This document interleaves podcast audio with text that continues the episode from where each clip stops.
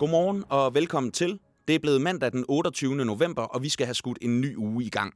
Det gør vi her med et nyhedsoverblik over de mest toneangivende historier fra danske og internationale erhvervsmedier, og dagens udpluk tager os blandt andet forbi en tendens, hvor danske virksomheder begynder at sælge fakturer for milliardbeløb i jagten på likviditet. Imens så fortsætter shippingraterne med at dykke og presser Mærsk på et historisk dårligt tidspunkt. Vi skal også have et blik på den globale inflation, der ifølge økonomer kan have toppet i oktober. Jeg hedder Frederik Vincent. Velkommen til Morgenbriefing. På børsens forside i dag kan du læse, at danske virksomheder mangler likviditet, og i stor stil er begyndt at sælge fakturer videre for at få penge i kassen. Finansieringsproduktet Factoring lader selskaber sælge ubetalte fakturer videre til finansielle partnere og modtage betaling med det samme mod et gebyr. Metoden er blevet så udbredt, at danske virksomheder sælger og belåner fakturer for et beløb, som har udsigt til at krydse 200 milliarder kroner på årsbasis. Det sker blandt andet hos danske Scandic Solutions, der blev stiftet i 2004. Og dengang der faldt betalingen for udført arbejde oftest efter 8 dage, men siden er der sket et markant skred. Nu vil kunderne have 30 dage til at betale deres regninger, og det medfører et stort pres på pengebeholdningen i flere virksomheder. Og for virksomheder som Scandic Solutions, der betyder brugen af factoring, at selskabet kan fortsætte med at være selvfinansierende og købe sine fysiske aktiver kontant. Og det giver købsrabatter, og samlet set så sparer det altså virksomheden penge, lyder det. Læs mere om boomet i factoring efterspørgselen i børsen i dag. Kunder står også i en gunstig situation, når det gælder forhandlingen af kommende shippingkontrakter, står der på Finansforside. Og voldsomme prisfald på fragtrater kan ramme Danmarks største virksomhed Mærsks containerforretning på det værst tænkelige tidspunkt. Da raterne er faldet 24 uger i træk, og hastigheden samt timingen for faldet er historisk, oplyser mediet. Faldene sker nemlig på samme tidspunkt, som store dele af kontrakterne mellem containerrederierne og kunderne skal genforhandles for det kommende år. Bjørn Wang Jensen, der er vicedirektør i Sea Intelligence, der laver analyser af shippingbranchen, samt rådgiver kunder, der forhandler shippingaftaler, fortæller avisen, at situationen er fuldstændig uhørt. Det er aldrig sket før, at bunden falder ud af retterne nu og så hurtigt. Det kan bedst sammenlignes med en steppebrand, siger han til Finans. Selvom nogle virksomheder altså står over for likviditetsudfordringer og fragtraterne er på retur, ja, så må det være op til erhvervslivet selv at klare sig gennem problemerne. Det mener i hvert fald tre prominente liberale meningsdannere, der i dagens børsen kommer med et opråb. For håndteringen af coronakrisen har svækket vores modstandskraft over for, hvornår staten må blande sig i vores liv, og har gjort os hurtigere til at efterlyse regulering og statslige hjælpepakker, når der opstår en krise. Det skader muligheden for at flytte Danmark i en mere liberal retning, lyder det blandt andet fra Mie Amalie Holstein, der er liberal debattør og vicedirektør i SMV Danmark. Hun frygter, at hjælpepakkepolitikken og den politiske tilgang for corona vil hæmme det frie marked og øge velfærdssamfundets rækkevidde, og hun siger sådan her til avisen. Der er en afhængighed af staten, der hænger ved fra coronakrisen. Vi ser hurtigere mod staten for hjælp. Vores modstandskraft over for, hvornår staten kan blande sig, og beskyttelsen af vores egen privatsfære er blevet svækket. Find hele interviewet med debattørerne i dagens børsen og læs deres argumenter for, hvorfor mere statslig indgriben kan betyde en mærkbar omkostning for samfundet. Hos Berlingske kan du få historien om den største hvidvasksag i det danske retssystems historie, der lige nu udspiller sig i Københavns byret. En trio, alle med baggrund i tidligere sovjetrepublikker, oprettede hundredvis af tomme danske skuffeselskaber, tilbød købekreditter for småpenge og solgte Danmark som et skattely til primært rige russere i fuld offentlighed, skriver avisen.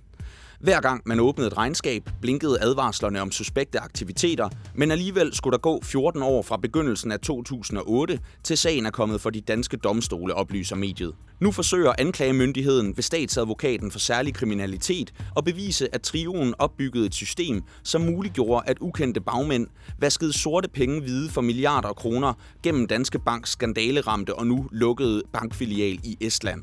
Du kan læse mere om hvidvasktrioen og retssagen hos Berlingske. Den globale inflation, der har været tårnhøj i år, den kan have nået sit maksimum i oktober med 12,1 procent, skriver Financial Times. Som vi hørte før, har shippingrater længe været på vej ned, og nu tyder det ifølge økonomer på, at også råvarepriser og produktionsrater på fabrikker globalt er begyndt at gå samme vej, mens erhvervslivets overordnede forventninger til inflationen også stiller af, skriver mediet. I Tyskland der faldt produktionspriser på landets fabrikker med 4,2 procent i oktober, hvilket er det største månedlige fald siden 1948. I USA og Storbritannien der er priserne også på vej ned, og det er godt nyt for virksomheder og husholdninger, samt verdens ledende centralbanker, der har leveret hastige rentestigninger i et forsøg på at tøjle den løbske inflation, lyder det. Men der er altså stadig et godt stykke vej til, at den globale inflation rammer de 2% årligt, som de fleste centralbanker sigter efter. Det niveau skal man ikke forvente forløbig, siger cheføkonom i kapitalforvalteren PGIM, Catherine Nees, til Financial Times. Makroøkonomien i Kina er til gengæld i fare, mens tumulten over landets coronastrategi fortsætter med at vække opsigt og trække overskrifter i internationale erhvervsmedier. Hos blandt andet Wall Street Journal kan du læse, at der udbryder flere og flere protester i den asiatiske stormagt som svar på landets nul-tolerance-politik over for covid-19. I både Beijing, Shanghai samt det originale epicenter for pandemien Wuhan tog protesterne til over weekenden. Befolkningen har fået nok af den kinesiske regerings lockdown-strategi, der blandt andet bruger indespærring som redskab til at tæmme selv små lokale coronaudbrud, skriver mediet. Det er en strategi, der i stigende grad har vist sig at være ineffektiv, mens den har holdt forretninger lukkede og skudt landets arbejdsløshed blandt især unge opad, og sendt Kina på kurs mod sin største økonomiske opbremsning i årtier, skriver Wall Street Journal.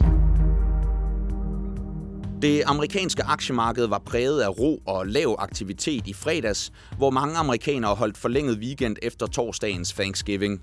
Teknologiaktierne var en smule presset efter negativt fokus på Apple, men i Dow Jones-indekset blev det opvejet af plusser til selskaber som Boeing og Home Depot, henholdsvis med 1,9 og 1,6 procent. Dagens facit for det brede S&P 500-indeks blev et marginalt minus på 0,03 procent. Dow Jones-indekset steg mest med 0,5 procent, mens Nasdaq-indekset bakkede 0,5 procent. Herhjemme der gik C25-indekset på weekend med et plus på 0,07 procent i rygsækken fra fredagens handel, hvor indekset det meste af dagen svævede omkring nulpunktet. Få detaljerne om aktiehandlen på Borsen.dk Investor. Vi tager en tur forbi de nuværende regeringsforhandlinger, der er gået ind i en afgørende fase. I seneste udgave af Børsens podcast Korridon og Co. fortæller Børsens politiske kommentator Helle Ip, hvorfor sidste uge blev skældsættende for forhandlingerne. Venstres formand Jakob Ellemann Jensen har åbnet for at afsøge mulighederne for en bred regering med Socialdemokratiet og Mette Frederiksen i spidsen, efter han ellers har givet udtryk for manglende tillid til Mette Frederiksen og under valgkampen afviste et regeringssamarbejde med partiet. Og senere på ugen, der slog også Mette Frederiksen fast, at der arbejdes for at danne en bred regering over midten. Her kan du høre Helle Ip fortælle børsens chefredaktør Bjarne Koridon, hvor stor betydning udmeldingerne fra de to partiledere får fremadrettet. Det gør man jo ikke gratis. Så på en eller anden måde, så er point of no return, øh, set med mine øjne, øh, passeret i den her uge. For Frederiksen eller for Ellemann?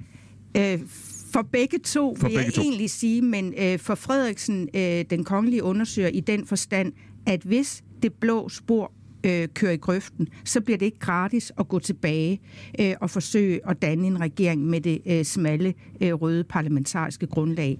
For Ellemann, øh, jamen der er det en, en helt, øh, synes jeg, øh, unik chance for at vende det, øh, den status, der egentlig er, at Venstre står som taberne af det her valg, til faktisk at stå i en ekstrem central rolle, hvor man har øh, mulighederne for måske både at få partiet til at vokse, og så få meget mere indflydelse øh, på dansk politik, end man har haft meget længe. I seneste afsnit af Korridon og Ko kan du høre mere om, hvad de politiske udfordringer bliver i arbejdet for at lave en bred regering, samt hvordan oppositionspartierne forventes at reagere på et potentielt regeringsægteskab mellem Venstre og Socialdemokratiet.